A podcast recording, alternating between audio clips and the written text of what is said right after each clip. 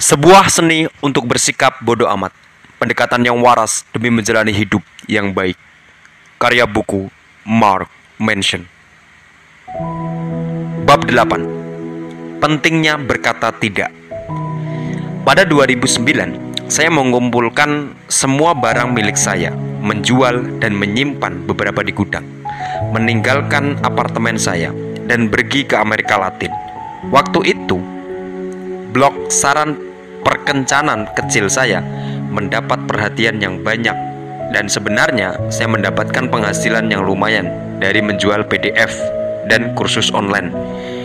Saya berencana menggunakan sejumlah uang untuk tinggal di luar negeri beberapa tahun berikutnya untuk mengalami budaya baru dan memanfaatkan biaya hidup yang lebih rendah di beberapa negara berkembang di Asia dan Amerika Latin untuk membangun bisnis saya lebih jauh. Itu adalah mimpi nomaden digital saya dan sebagai seorang petualang berumur 25 tahun, persis seperti itulah hidup yang saya inginkan.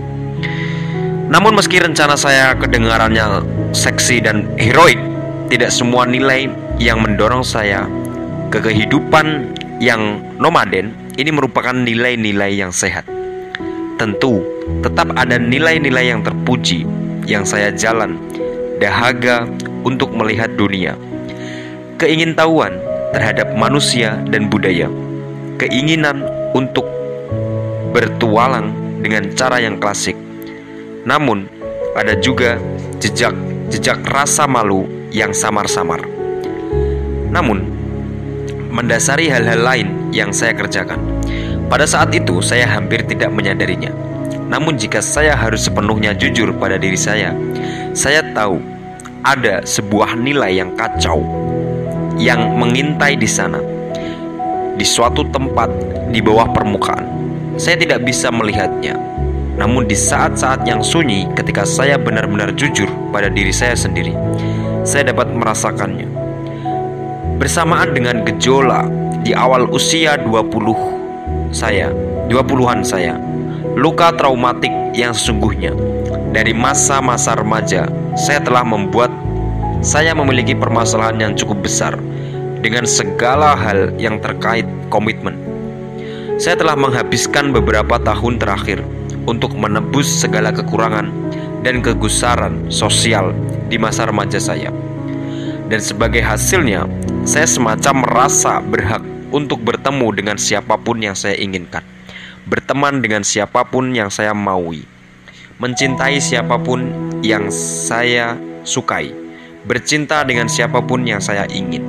Jadi, mengapa saya perlu berkomitmen pada satu orang saja, atau bahkan kelompok sosial tunggal, satu kota atau negara atau budaya.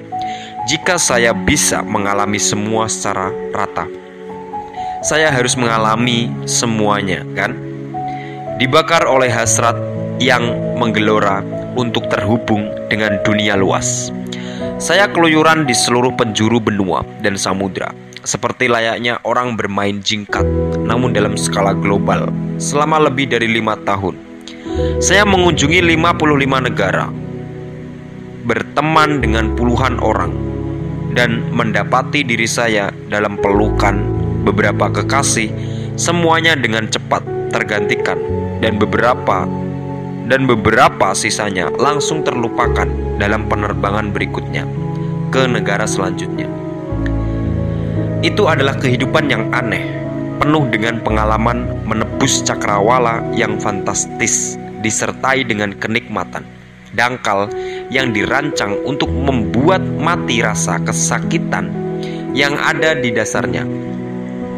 Dulu ini terlihat begitu mendalam sekaligus tanpa makna di saat yang bersamaan dan sekarang masih seperti itu. Beberapa pelajaran hidup terbaik dan momen yang menentukan jati diri saya. Saya alami dalam periode ini, namun beberapa kesalahan terbesar di mana saya menyia-nyiakan waktu dan energi saya. Juga terjadi di masa ini juga. Sekarang saya tinggal di New York. Saya memiliki sebuah rumah dan perabotan dan tagihan listrik dan seorang istri. Tidak satu pun dari semua itu yang benar-benar glamor atau menarik. Dan saya menyukainya seperti itu Karena setelah tahun-tahun yang penuh dengan kegembiraan Pelajaran terbesar yang saya peroleh dari petualangan saya adalah ini Kebebasan mutlak pada dasarnya tidak ada artinya Kebebasan membuka kesempatan untuk makna yang lebih besar. Tapi pada dasarnya tidak ada makna apa pun di dalamnya. Pada akhirnya, satu-satunya cara untuk mendapatkan makna dan merasakan pentingnya sesuatu dalam hidup seseorang adalah dengan menolak alternatif yang ada, menyempitkan kebebasan, pilihan untuk berkomitmen pada satu hal, satu keyakinan, atau sambil menelan ludah satu orang. Kesadaran ini datang kepada saya perlahan-lahan setelah bertahun-tahun berkelana karena dengan begitu banyaknya akses dalam kehidupan, Anda harus meneng menenggelamkan diri Anda ke dalamnya untuk menyadari bahwa hal-hal tersebut tidak membuat Anda bahagia. Itu yang saya rasakan saat melakukan perjalanan. Begitu saya menenggelamkan diri saya ke 53, 54, 55 negara saya mulai mengerti meskipun semua pengalaman saya menggembirakan dan luar biasa. Hanya sedikit dari antaranya yang meninggalkan suatu kesan atau makna. Sementara teman-teman kampung halaman saya mulai menetap dan membangun rumah tangga, membeli rumah dan mendedikasikan waktu mereka ke perusahaan yang menjanjikan atau masalah politik. Saya berusaha keras mengejar satu kenikmatan, kenikmatan lainnya. Saya berusaha keras mengejar satu kenikmatan ke kenikmatan lainnya. Pada 2011, saya pergi ke Saint Petersburg, Rusia. Makanannya parah, cuacanya menyebalkan. Salju di bulan Mei. Kamu bercanda dengan saya ya? Apartemen saya mengenaskan, tidak ada yang beres, semuanya terlampau mahal. Orang-orangnya kasar dan mereka punya aroma yang ganjil. Tidak seorang pun tersenyum dan semua doyan mabuk. Tapi saya menyukainya. Itu adalah salah satu perjalanan favorit saya. Ada suatu hal yang kasar dari budaya Rusia yang pada umumnya membuat telinga orang barat memerah. Tidak ada basa-basi palsu dan penyaring kata-kata kasar. Anda tidak tersenyum kepada orang asing atau berpura-pura menyukai apa pun yang tidak Anda sukai di Rusia. Jika sesuatu tampak bodoh, Anda katakan bodoh. Jika seseorang brengsek, Anda katakan dia brengsek. Jika Anda sangat menyukai seseorang dan menikmati saat bersamanya, Anda katakan kepadanya bahwa Anda menyukainya dan menikmati saat bersamanya. Bodoh amat, apakah orang ini adalah teman Anda, orang asing, atau seseorang yang baru saja Anda jumpai di jalan 5 menit yang lalu? Di minggu pertama, saya merasa risih dengan kenyataan ini. Saya mengajak kencan seorang gadis Rusia di sebuah kedai kopi dan hanya dalam waktu tiga menit duduk dan berbincang, dia geli dan berkomentar bahwa apa yang baru saja saya katakan itu bodoh. Saya tidak hampir tersendak minuman saya. Tidak ada yang agresif dari caranya menyampaikan hal tersebut. Itu diucapkan seperti sebuah fakta, biasanya seperti menyampaikan cuaca hari itu atau ukuran sepatunya. Tapi saya tetap saja terkejut. Bagaimanapun juga, di barat, ucapan semacam itu dianggap sangat kasar, terutama jika keluar dari seseorang yang baru saja Anda temui. Namun rupanya ini yang terjadi pada semua orang. Semua orang bersikap kasar seperti ini sepanjang waktu. Dan akibatnya pikiran barat saya yang manja rasanya diserang dari segala sisi. Rasa tidak aman yang sangat mengganggu mulai muncul ke permukaan didorong situasi-situasi yang tidak pernah ada selama bertahun-tahun. Tetapi minggu-minggu berikutnya, saya mulai terbiasa dengan keterus terangan orang Rusia. Matahari yang terbenam di tengah malam, dan vodka yang rasanya seperti air es dan kemudian saya mulai menghargai apa yang sebenarnya ada. Ungkapan yang jujur, kejujuran dalam kata yang memiliki arti sebenarnya, komunikasi tanpa syarat, tanpa tali kekang, tanpa motif, terselubung, bukan karena ada maunya, bukan juga karena ingin disukai. Entah bagaimana setelah bertahun-tahun berkeliling dunia ini, mungkin tempat yang paling tidak bernuansa Amerika, di mana untuk pertama kalinya saya mengalami semacam aroma kebebasan, kemampuan untuk mengatakan apa pun yang saya pikir atau rasakan tanpa takut ditolak. Ini adalah sebuah bentuk kebebasan yang aneh dengan cara menerima penolakan. Dan sebagai seorang yang haus akan ungkapan tanpa basa-basi seperti ini sepanjang hidupnya, pertama karena kehidupan keluarga yang ditekan secara emosional, kemudian oleh tampilan percaya diri palsu yang direkayasa secara teliti, saya jadi mabuk. Ya, rasanya seperti habis menenggak vodka terbaik yang pernah ada. Sebulan yang saya habiskan desain Petersburg terasa cepat. Dan rasanya saya tidak ingin meninggalkan kota ini. Berkelana merupakan alat pengembangan diri yang fantastis karena melepaskan diri Anda dari nilai-nilai budaya Anda dan menunjukkan kepada Anda bahwa masyarakat lain dapat hidup dengan nilai yang sangat berbeda dan masih berfungsi dengan baik dan tidak membenci diri mereka sendiri pembukaan mata terhadap nilai budaya dan ukuran yang berbeda ini biasa bisa memaksa Anda untuk menguji kembali apa yang kelihatannya sudah jelas dalam hidup Anda dan untuk mempertimbangkan apa yang apa yang mungkin bukan menjadi cara terbaik untuk hidup. Dalam kasus ini, Rusia telah membuat saya menguji kembali komunikasi omong kosong, manis tapi palsu yang begitu umum di kultur Anglo. Dan bertanya kepada diri saya sendiri, tidakkah hal ini? Entah bagaimana justru membuat kita merasa semakin tidak aman berada di antara orang-orang dan makin memperburuk keintiman. Saya ingat membahas dinamika ini dengan guru Rusia saya pada suatu hari dan dia punya satu teori yang menarik. Karena hidup di bawah komunisme selama beberapa generasi dengan rendahnya hingga tidak adanya peluang ekonomi dan dikungkung oleh budaya ketakutan, masyarakat Rusia menemukan bahwa mata uang yang paling bernilai adalah kepercayaan. Dan untuk membangun kepercayaan, Anda harus jujur. Artinya, ketika hal-hal berubah menjadi buruk, Anda mengatakannya dengan terbuka tanpa perlu permintaan maaf.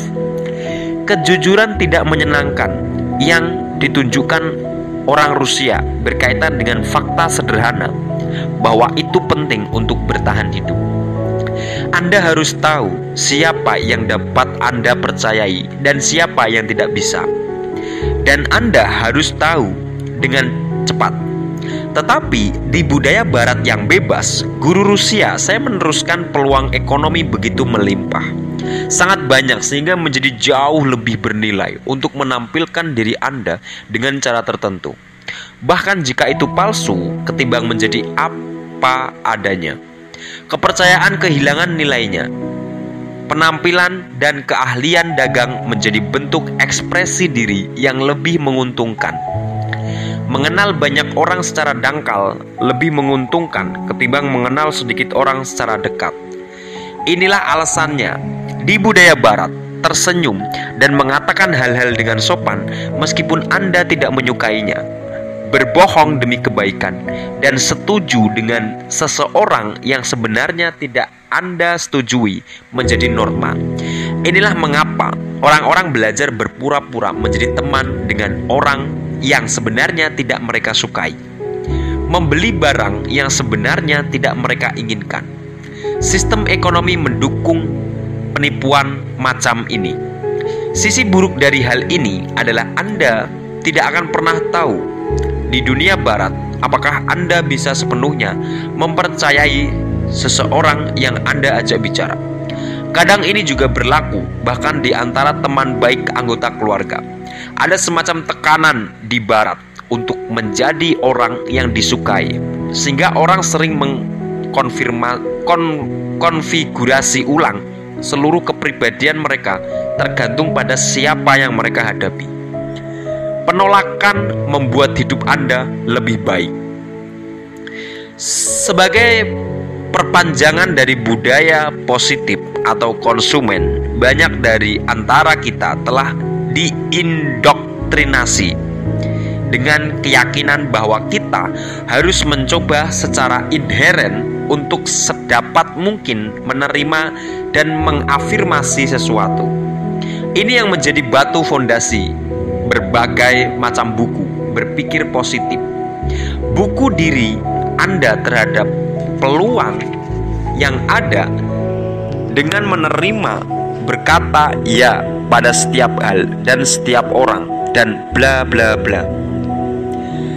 Tetapi kita perlu menolak sesuatu. Jika tidak, kita kehilangan alasan untuk bertahan. Jika tidak ada sesuatu yang lebih baik atau lebih diinginkan daripada yang lain, kita akan merasa hampa dan hidup kita menjadi tanpa makna. Kita hidup tanpa nilai, dan akibatnya kita menghidupi kehidupan tanpa tujuan. Menghindari penolakan, atau baik memberi atau menerima penolakan, sering ditawarkan kepada kita sebagai jalan untuk membuat diri kita merasa lebih baik. Tetapi menghindari penolakan pemberi, memberi kita kenikmatan sesaat yang membuat kita tanpa kemudi dan tanpa arah dalam jangka panjang untuk sungguh mengapresiasi sesuatu, Anda harus membatasi diri Anda sendiri. Ada tingkat kegembiraan dan makna tertentu yang akan Anda raih dalam kehidupan. Hanya jika Anda menghabiskan puluhan tahun membina satu hubungan tunggal, satu karya tunggal, satu karir tunggal, dan Anda tidak bisa mencapai investasi tahunan itu tanpa menolak alternatif yang ada. Tindakan memilih sebuah nilai untuk diri Anda sendiri menuntut Anda untuk menolak nilai-nilai dari pilihan lain. Jika saya memilih untuk membuat pernikahan saya menjadi bagian yang paling penting dalam hidup saya, artinya saya mungkin memilih untuk tidak mengadakan pesta orgi dengan pelacur lengkap dengan kokain sebagai bagian yang penting dalam hidup saya. Jika saya memilih untuk menilai diri saya berdasarkan kemampuan saya untuk terbuka dan menerima pertemanan, artinya saya menolak untuk mengatai-ngatai mereka di belakang. Itu semua adalah pilihan yang sehat dan menuntut penolakan di setiap langkahnya. Intinya, kita semua harus peduli terhadap sesuatu untuk menghargai sesuatu, dan untuk menghargai sesuatu, kita harus menolak apa yang bukan sesuatu tersebut. Untuk menilai X, kita harus menolak non-X. Penolakan tersebut merupakan sebuah bagian yang inherent dan penting demi memelihara nilai-nilai kita. Demikian pula identitas kita. Kita ditentukan oleh apa yang kita tolak. Dan jika kita tidak menolak sesuatu pun, mungkin karena kita sendiri takut ditolak.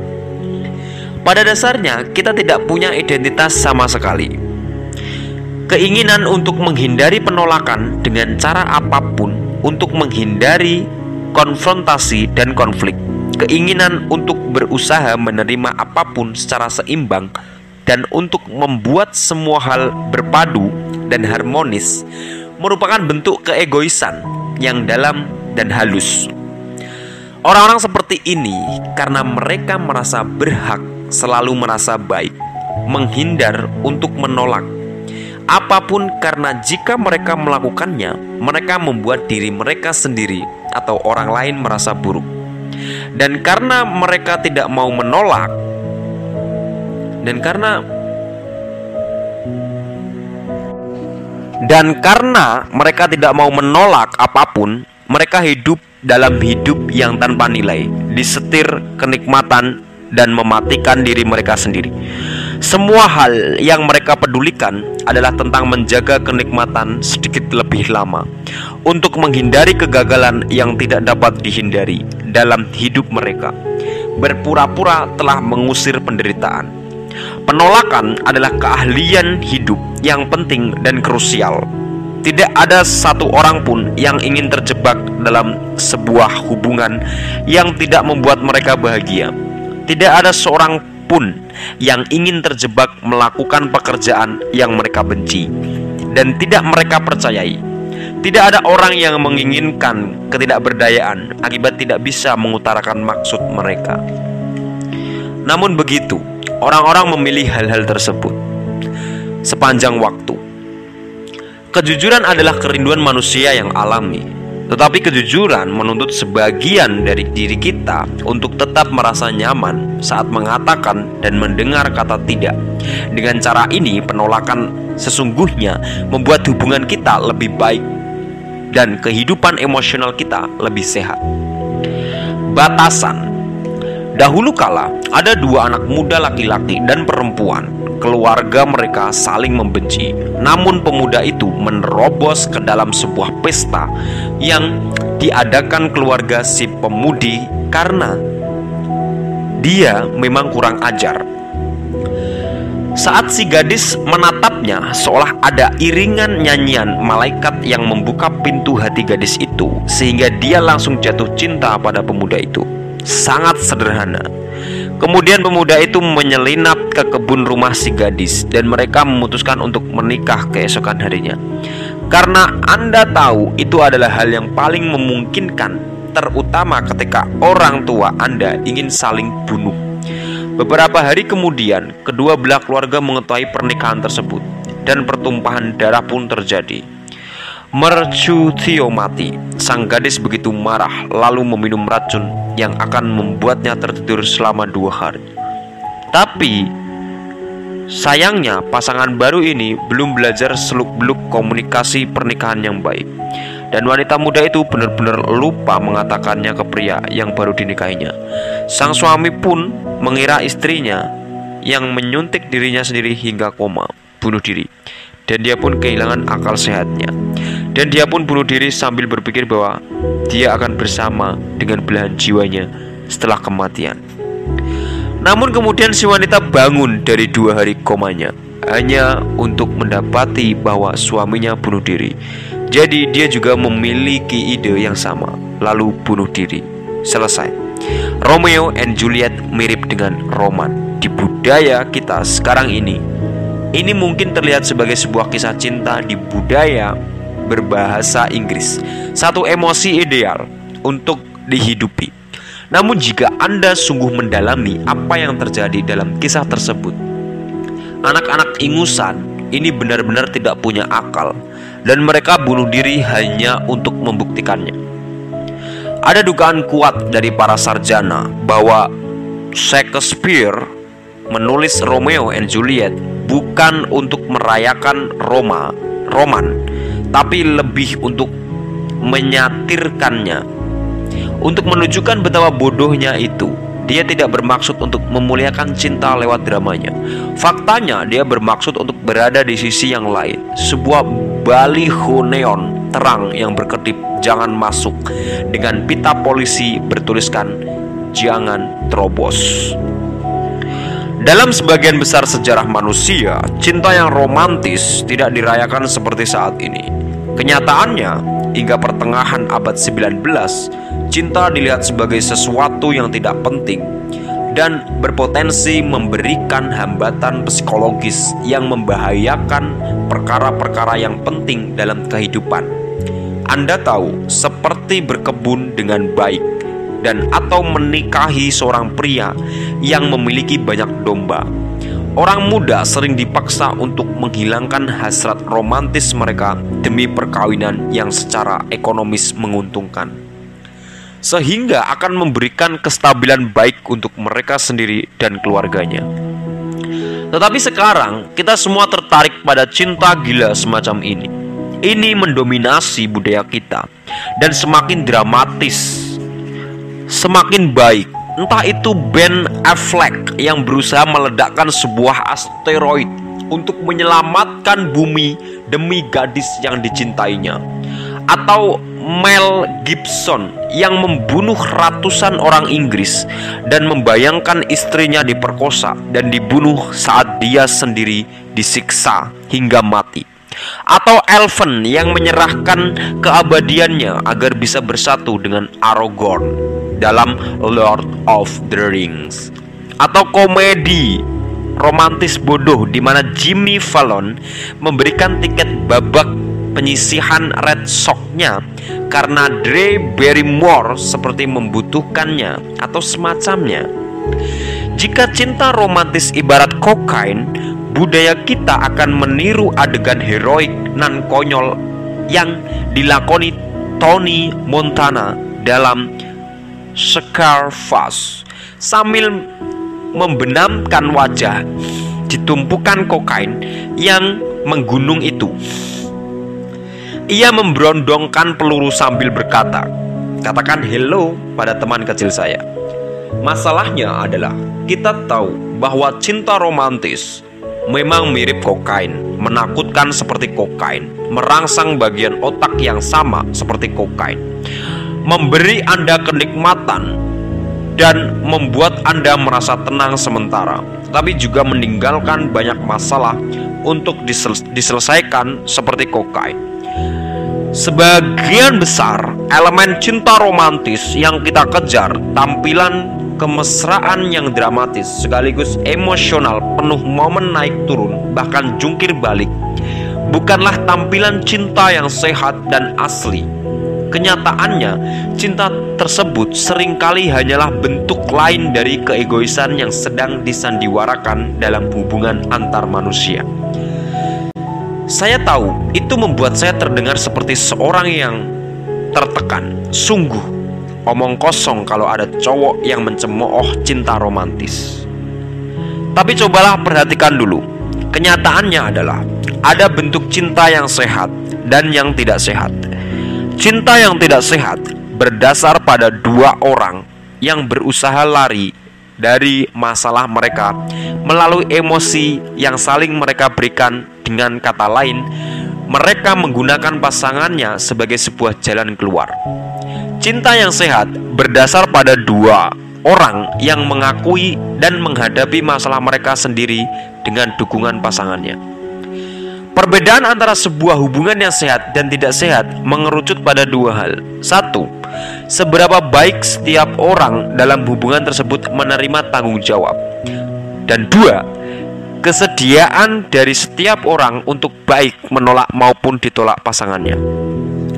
Di setiap hubungan yang tidak sehat atau beracun akan muncul tanggung jawab yang buruk dan keropos di kedua belah pihak dan akan ada suatu ketidakmampuan untuk mengutarakan dan atau menerima penolakan di setiap hubungan yang sehat dan saling mencintai akan muncul batasan yang jelas antara dua orang tersebut serta nilai-nilai mereka dan di situ akan ada satu tempat terbuka untuk memberi dan menerima penolakan ketika dibutuhkan.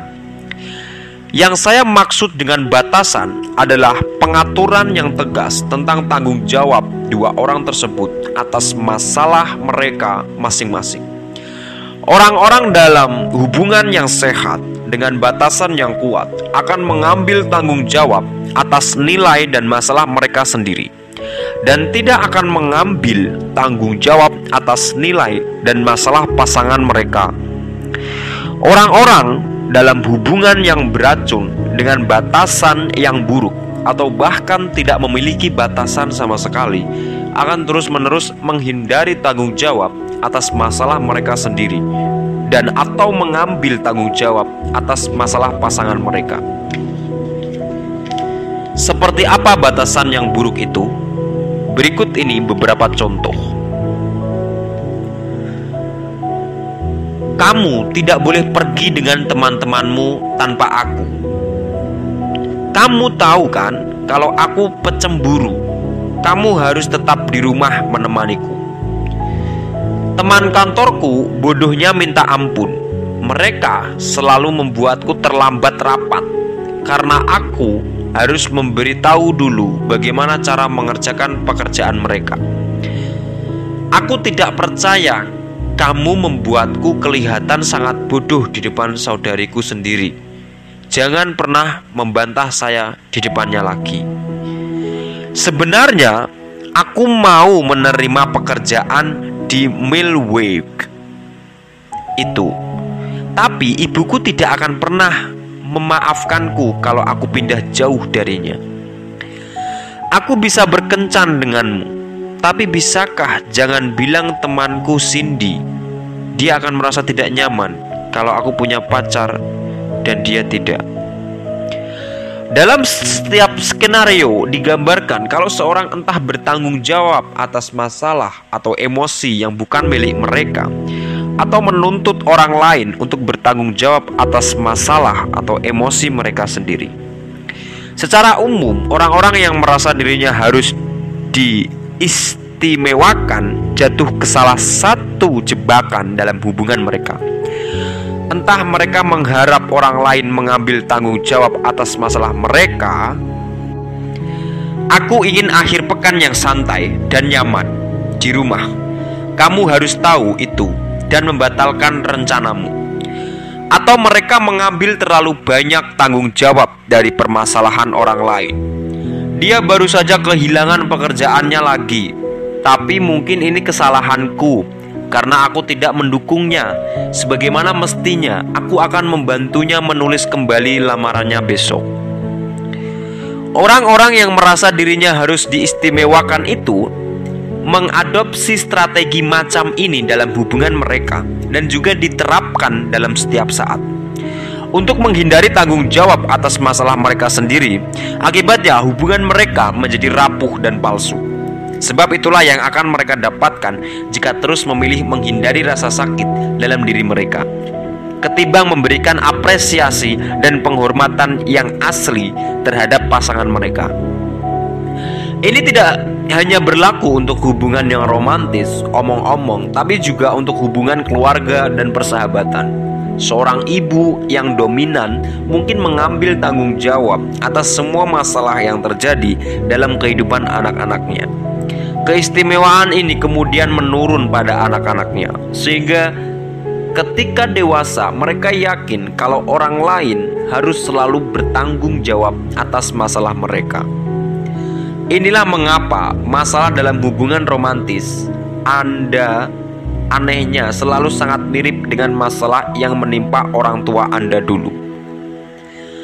Ketika tanggung jawab atas emosi-emosi dan tindakan-tindakan kalian diatur dalam sebuah area gelap, area yang tidak jelas siapa bertanggung jawab untuk apa, siapa yang berbuat kesalahan apa, mengapa Anda melakukan apa yang Anda lakukan, kalian tidak akan pernah mengembangkan nilai yang kuat untuk diri kalian sendiri.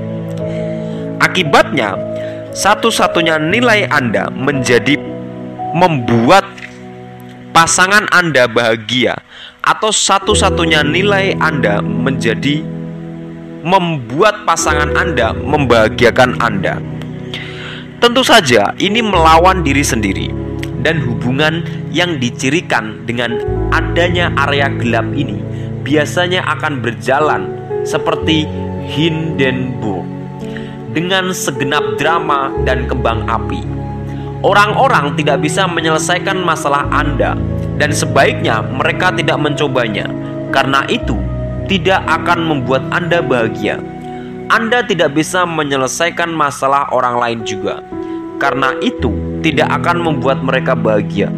Tanda dari sebuah hubungan yang tidak sehat adalah dua orang yang mencoba memecahkan masalah orang lain agar diri mereka sendiri merasa baik.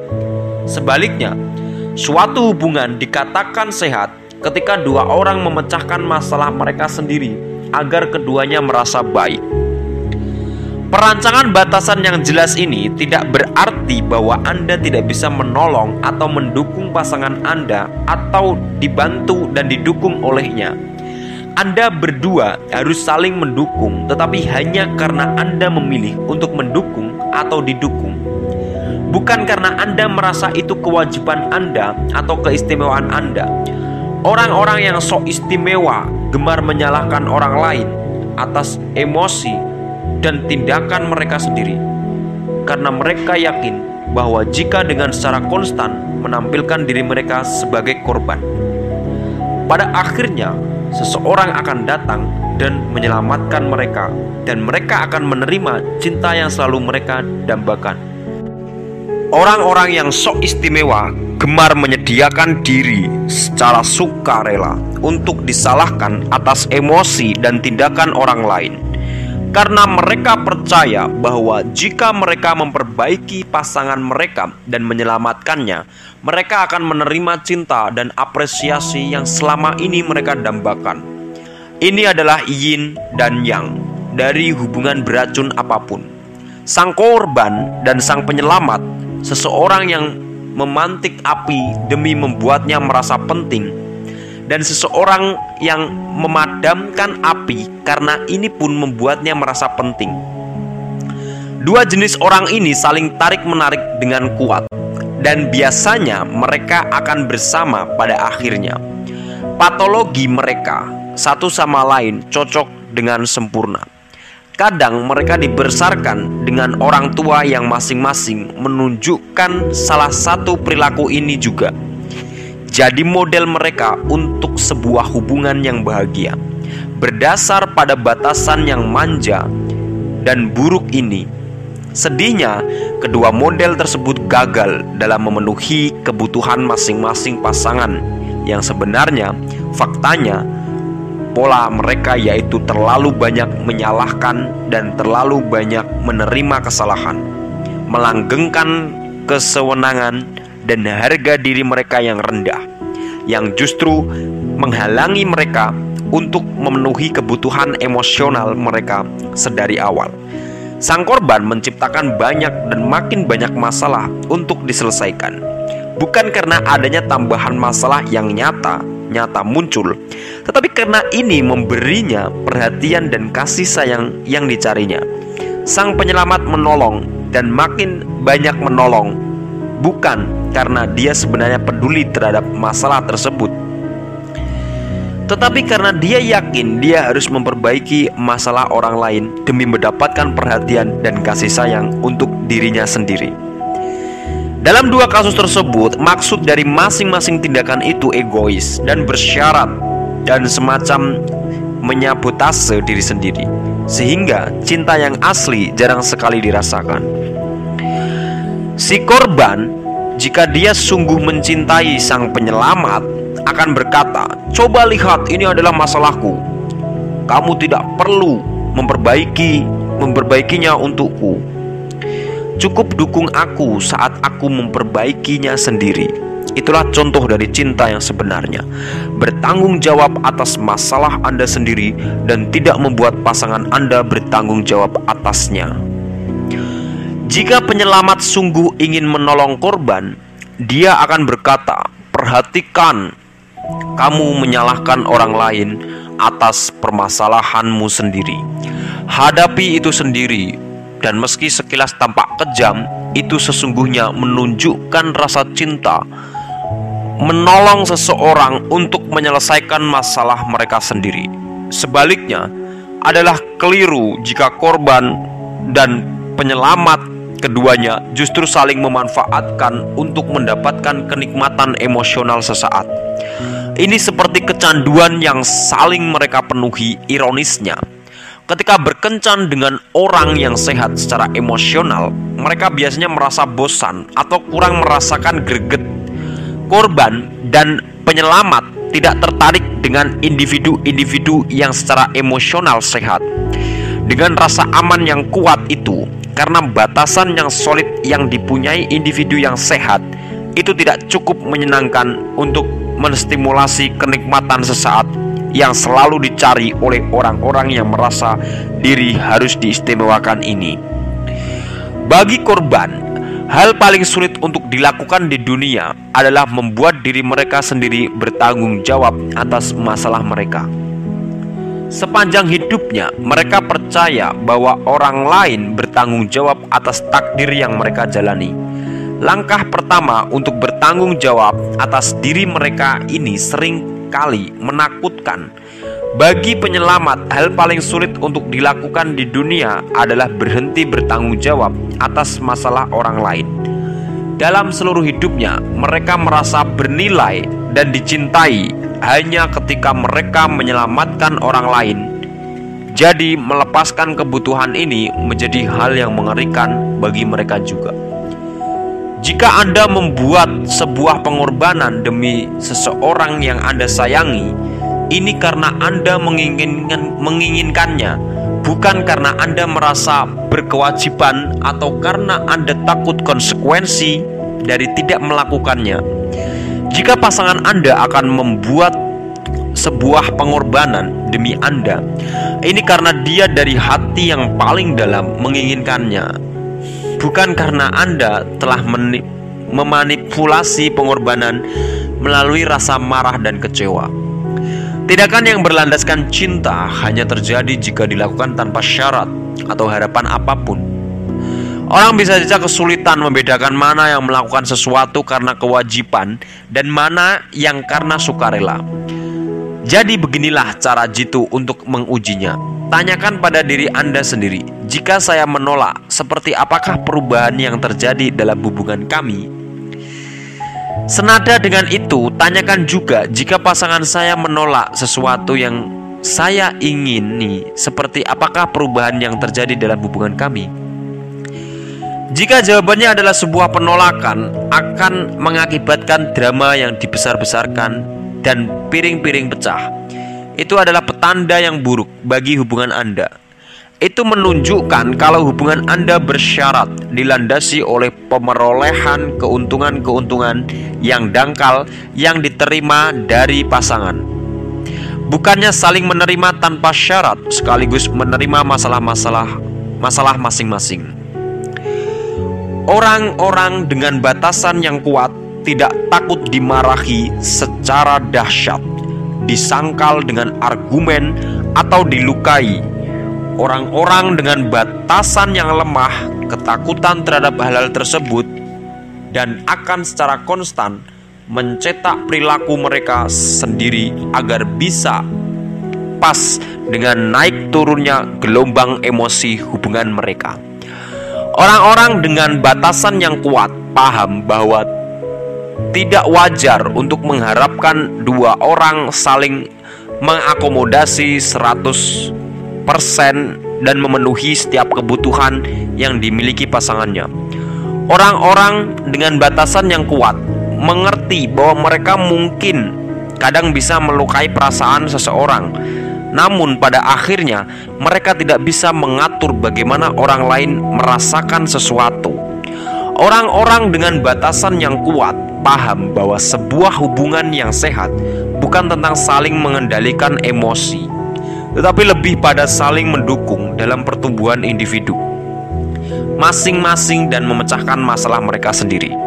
Ini bukan tentang peduli tentang apa pun yang dipedulikan pasangan Anda. Ini tentang memedulikan pasangan Anda tanpa peduli apa yang diberikannya. Itulah cinta yang tanpa syarat, sayang. Bagaimana membangun kepercayaan istri saya adalah salah satu wanita yang menghabiskan waktunya dengan berlama-lama di depan cermin.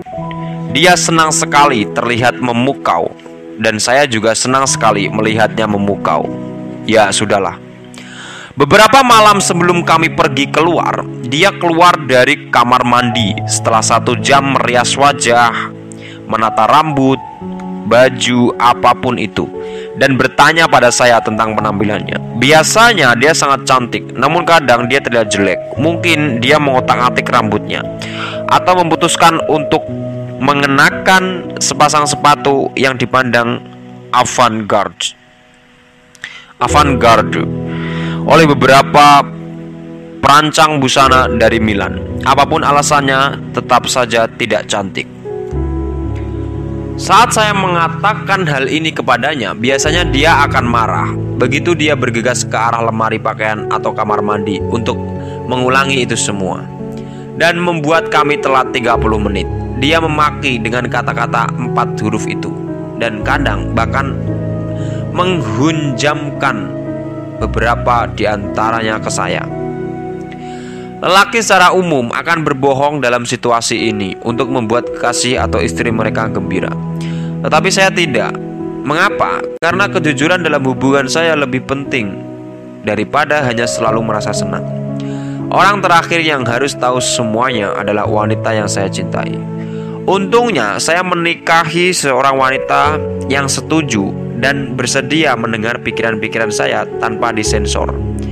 Dia menghardik omong kosong saya. Tentu saja, yang menjadi salah satu perlakuan paling penting yang ditawarkannya kepada saya sebagai so sebagai seorang pasangan, tentu ego saya kadang naik dan saya menggerutu dan mengeluh dan mencoba adu argumentasi. Namun beberapa jam kemudian saya merajuk dan mengakui bahwa dialah yang benar dan demi Tuhan, dia membuat saya menjadi orang yang lebih baik. Bahkan, meskipun saya benci mendengarnya saat itu. Ketika prioritas tertinggi kita adalah untuk selalu membuat diri kita merasa senang atau selalu membuat pasangan kita merasa senang, tidak akan ada seorang pun yang berakhir dengan perasaan senang dan hubungan kita pecah berkeping-keping, bahkan tanpa kita sadari. Tanpa konflik, tidak akan ada kepercayaan konflik muncul untuk menunjukkan kepada kita siapa yang ada untuk kita tanpa syarat dan siapa yang hanya ada untuk mendapatkan keuntungan. Tidak seorang pun yang mempercayai seorang yang selalu berkata, "Ya, jika si panda nyinyir ada di sini, dia akan mengatakan pada Anda bahwa rasa sakit dalam hubungan kita penting untuk memperkuat kepercayaan kita satu sama lain dan menghasilkan keintiman yang lebih besar. Agar hubungan menjadi sehat, kedua belah pihak harus bersedia dan mampu baik untuk mengatakan maupun mendengar kata tidak. Tanpa adanya negasi tersebut, tanpa adanya penolakan tembok pembatas akan runtuh, sehingga masalah dan nilai seseorang akan mendominasi lainnya. Konflik bukan saja normal, namun sangat penting untuk memelihara suatu hubungan yang sehat. Jika dua orang yang dekat tidak mampu mengeluarkan unek-unek perbedaan secara terbuka dan vokal, Hubungan tersebut berdasar pada manipulasi dan salah tafsir, dan perlahan itu akan menjadi racun. Kepercayaan adalah bahan baku paling penting dalam segala jenis hubungan. Alasannya sederhana: tanpa kepercayaan, suatu hubungan sesungguhnya tidak berarti apa pun. Seorang gadis bisa mengutarakan cintanya pada Anda, ingin bersama dengan Anda, akan memberikan apa pun untuk Anda namun, jika Anda tidak mempercayainya, tidak ada keuntungan apa pun dari pernyataan gadis itu untuk Anda. Anda tidak akan pernah merasa dicintai sampai Anda percaya bahwa cinta yang diungkapkan gadis itu tidak disertai persyaratan khusus ataupun ditempeli embel-embel. Inilah mengapa perselingkuhan berpotensi sangat menghancurkan. Ini bukan soal seks, ini soal kepercayaan yang telah dihancurkan karena seks. Tanpa kepercayaan, hubungan tidak dapat lagi berfungsi. Jadi, pilihannya tinggal membangun kembali kepercayaan atau mengucapkan selamat tinggal. Saya sering mendapat surel dari orang-orang yang telah diselingkuhi oleh pasangannya, tetapi ingin tetap bersama dengan orang tersebut dan bertanya-tanya bagaimana mereka dapat mempercayainya lagi. Tanpa kepercayaan, kata mereka, hubungan mulai terasa seperti sebuah beban, seperti suatu ancaman yang harus terus diwaspadai dan dicurigai, alih-alih dinikmati. Masalahnya di sini adalah bahwa sebagian besar orang yang tertangkap basah berselingkuh meminta maaf dan mengatakan mantra berikut. Hal itu tidak akan pernah terjadi lagi dan sesederhana itu seakan-akan penis tak sengaja masuk ke lubang yang berbeda-beda. Benar-benar tanpa kesengajaan, banyak korban perselingkuhan menerima respon ini mentah-mentah dan tidak mempertanyakan nilai dan perbuatan yang dilakukan oleh pasangannya. Meskipun penuh kesengajaan, mereka tidak bertanya pada diri mereka sendiri apakah nilai dan perbuatan tersebut menjadikan pasangan mereka orang yang baik untuk diajak hidup bersama. Mereka begitu fokus untuk mempertahankan hubungan mereka, sehingga mereka gagal untuk menyadari bahwa ini menjadi lubang hitam yang menelan harga diri mereka. Perselingkuhan disebabkan oleh adanya sesuatu yang lebih penting ketimbang hubungan yang mereka miliki, bisa saja kekuasaan terhadap pasangan lain mungkin pembuktian diri lewat seks atau memuaskan syahwat mereka sendiri. Apa pun itu, jelas bahwa nilai yang dimiliki oleh orang yang selingkuh itu tidak sejalan dengan cita-cita demi sebuah hubungan yang sehat.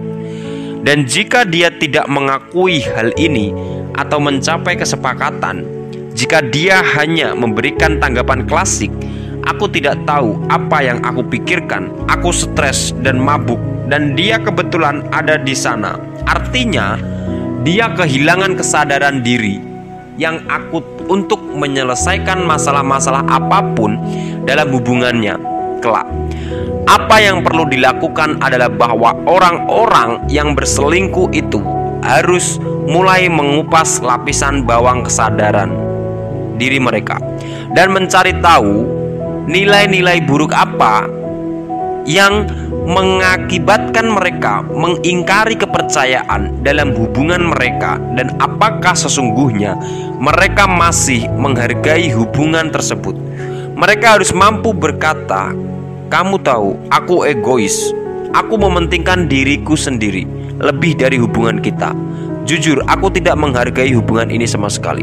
Jika pelaku perselingkuhan tidak bisa mengungkapkan nilai-nilai mereka yang buruk dan menunjukkan kalau nilai-nilai tersebut sudah tidak diindahkan.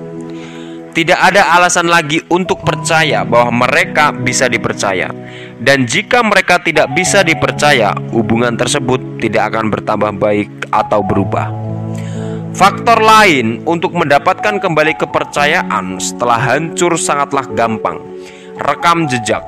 Jika seseorang mengkhianati kepercayaan Anda, janji-janjinya memang terdengar manis, namun kemudian Anda perlu juga untuk mengikuti perubahan perilakunya. Dalam rangka dalam rekam jejak yang konsisten. Hanya dengan ini Anda dapat mulai mempercayai bahwa nilai-nilai dari pasangan Anda yang selingkuh sekarang mulai selaras dan orang itu sungguh akan berubah. Sayangnya, untuk bisa membangun suatu rekam jejak kepercayaan diperlukan waktu, tentu akan dibutuhkan waktu yang lebih lama dibandingkan merusak kepercayaan tersebut. Dan selama periode membangun kepercayaan itu hal-hal tampak agak kacau. Jadi, kedua orang dalam hubungan tersebut harus menyadari perjuangan yang mereka pilih untuk dijalani. Saya menggunakan contoh perselingkuhan dalam sebuah hubungan romantis. Namun proses ini berlaku untuk semua permasalahan dalam sebuah hubungan. Ketika kepercayaan dihancurkan, ini dapat dibangun kembali hanya jika terjadi dua hal berikut. Satu, penghancur kepercayaan mengakui bahwa ada beberapa nilai yang mengakibatkan hancurnya suatu kepercayaan dan itu adalah nilai-nilai yang mereka miliki. Dan dua, penghancur kepercayaan membangun sebuah rekam jejak yang solid dari perilaku yang menjadi semakin baik dari waktu ke waktu. Tanpa langkah yang pertama, tidak akan ada upaya untuk perdamaian juga. Kepercayaan seumpama piring atau terakota Cina. Sekali Anda merusaknya dengan perhatian dan kasih sayang, Anda dapat menyatukan pecahan-pecahannya kembali. Tetapi begitu Anda merusaknya untuk yang kedua kali, kepingannya akan menjadi lebih banyak dan membutuhkan waktu yang jauh lebih lama untuk menyatukan pecahan-pecahan itu kembali. Jika Anda memecahkannya lagi dan lagi, pada akhirnya barang itu akan remuk hingga tidak mungkin lagi dipulihkan seperti sedia kala. Ada terlalu banyak kepingan yang tidak utuh dan terlalu banyak serpihan. Kebebasan melalui komitmen. Budaya konsumtif sangat lihai dalam membuat kita menginginkan lebih, lebih, dan lebih. Di bagian dasar dari semua sensasi dan pemasaran itu, terdapat implikasi bahwa semakin banyak selalu berarti semakin baik. Saya meyakini ide ini bertahun-tahun menghasilkan lebih banyak uang, berkunjung ke lebih banyak negara, memiliki lebih banyak pengalaman bersama dengan lebih banyak wanita. Tetapi lebih banyak tidak selalu lebih baik. Faktanya, justru kebalikannya yang benar. Sesungguhnya, kita sering merasa lebih bahagia dalam situasi berkekurangan. Ketika kita diberi muatan, peluang, dan pilihan yang terlampau banyak, kita menderita apa yang disebut ahli psikologi sebagai paradoks pilihan. Intinya, semakin banyak pilihan yang diberikan, kita akan menjadi semakin kurang puas atas apa pun yang kita pilih. Karena kita sadar akan semua pilihan lain yang mungkin sekali kita korbankan. Jadi, jika Anda memilih memiliki pilihan dua tempat untuk ditinggali dan harus memilih salah satu, Sepertinya Anda akan merasa nyaman dan percaya Anda telah membuat pilihan yang tepat. Anda akan merasa puas dengan keputusan Anda. Namun jika Anda memiliki pilihan 28 tempat untuk ditinggali, Anda harus memilih salah satu. Paradoks pilihan mengatakan bahwa Anda sepertinya akan melalui waktu bertahun-tahun menyakiti diri sendiri, meragukan diri sendiri, dan mempertanyakan diri sendiri bertanya-tanya apakah Anda sungguh telah membuat pilihan yang tepat dan apakah Anda sungguh telah memilih kebahagiaan yang paling maksimal. Kecemasan ini hasrat untuk mendapatkan kepastian dan kesempurnaan serta kesuksesan akan membuat Anda tidak bahagia. Jadi apa yang kita lakukan? Jadi jika Anda seperti saya dulu, Anda menghindar untuk memilih apa pun, Anda berusaha agar pilihan-pilihan Anda tetap terbuka selama mungkin Anda menghindari komitmen. Di sisi lain, membuktikan diri secara mendalam terhadap satu orang, satu tempat, satu pekerjaan, satu kegiatan saja mungkin akan menghalangi kita dari banyak sekali pengalaman yang ingin kita cicipi. Namun mengejar pengalaman sebanyak-banyaknya justru akan menghalangi kita dari kesempatan untuk mengalami nikmatnya kedalaman sesuatu pengalaman. Ada beberapa pengalaman yang hanya bisa Anda rasakan jika Anda telah tinggal di tempat yang sama selama lima tahun. Ketika Anda hidup dengan orang yang sama selama satu dekade, saat Anda telah bekerja sama dengan keahlian atau keterampilan yang sama separuh hidup Anda, sekarang saya di usia menginjak 30 30-an yang mana akhirnya saya dapat mengenali komitmen tersebut. Dengan caranya sendiri menawarkan kepada Anda sebuah kesempatan yang kaya dan pengalaman yang tidak pernah ada di masa saya di mana pun saya berada dan apa pun yang saya lakukan jika Anda mengejar sensasi dari pengalaman yang begitu luas, setiap pengalaman yang baru, setiap orang atau barang yang baru akan berkurang kesannya. Ketika Anda tidak pernah meninggalkan tanah air Anda, negara pertama yang Anda kunjungi akan menginspirasi perubahan perspektif secara besar-besaran. Karena Anda memiliki suatu dasar pengalaman yang sempit saat memulainya. Namun ketika Anda telah berpergian ke 20 negara, negara ke-21 akan terasa kurang berkesan. Dan ketika Anda telah berkunjung ke negara ke-50 yang ke-51 akan terasa semakin kurang berkesan. Hal yang sama berlaku juga untuk kepemilikan materi, uang, hobi, pekerjaan, teman, dan pasangan romantis seksual semua nilai dangkal yang payah yang banyak dipilih orang-orang untuk diri mereka sendiri. Semakin umur Anda bertambah, semakin banyak pengalaman yang Anda dapatkan. Semakin Anda berpengalaman, semakin berkurang secara signifikan pengaruh pengalaman baru terhadap diri Anda. Pertama kali saya minum di sebuah pesta, itu terasa luar biasa. ke 100 kali terasa menyenangkan, ke 500 mulai terasa seperti akhir pekan yang biasa saja, dan ke 1000 kali terasa membosankan dan tidak penting. Kisah besar saya secara pribadi beberapa tahun belakangan ini adalah tentang kemampuan saya untuk membuka diri terhadap komitmen. Saya telah memilih untuk menolak semuanya, hanya tinggal orang-orang dan pengalaman dan nilai-nilai terbaik dalam hidup saya. Saya menghentikan semua proyek bisnis saya dan memutuskan untuk fokus menulis. Sejak itu situs web saya menjadi jauh lebih terkenal ketimbang yang bisa saya bayangkan. Saya telah berkomitmen pada satu wanita untuk jangka waktu yang lama dan saya terkejut saat menyadari bahwa ini jauh lebih berharga ketimbang putus nyambung dan kencan satu malam yang biasa saya lakukan dulu. Saya telah berkomitmen terhadap satu lokasi geografis dan itu membuat hubungan saya menjadi lebih berarti asli dan sehat berlipat ganda. Dan apa yang telah saya temukan adalah suatu yang sungguh berlawanan dengan intuisi bahwa ada kemerdekaan dan kebebasan dalam komitmen.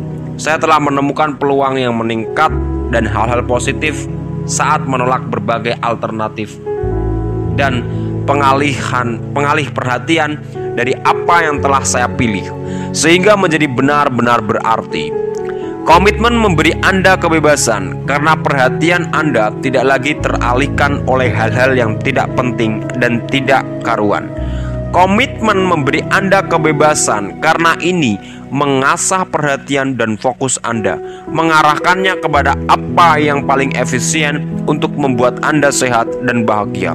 Komitmen membuat perbuatan keputusan lebih mudah dan menghilangkan setiap ketakutan akan kehilangan. Mengetahui bahwa apa yang sudah Anda miliki tidak cukup baik.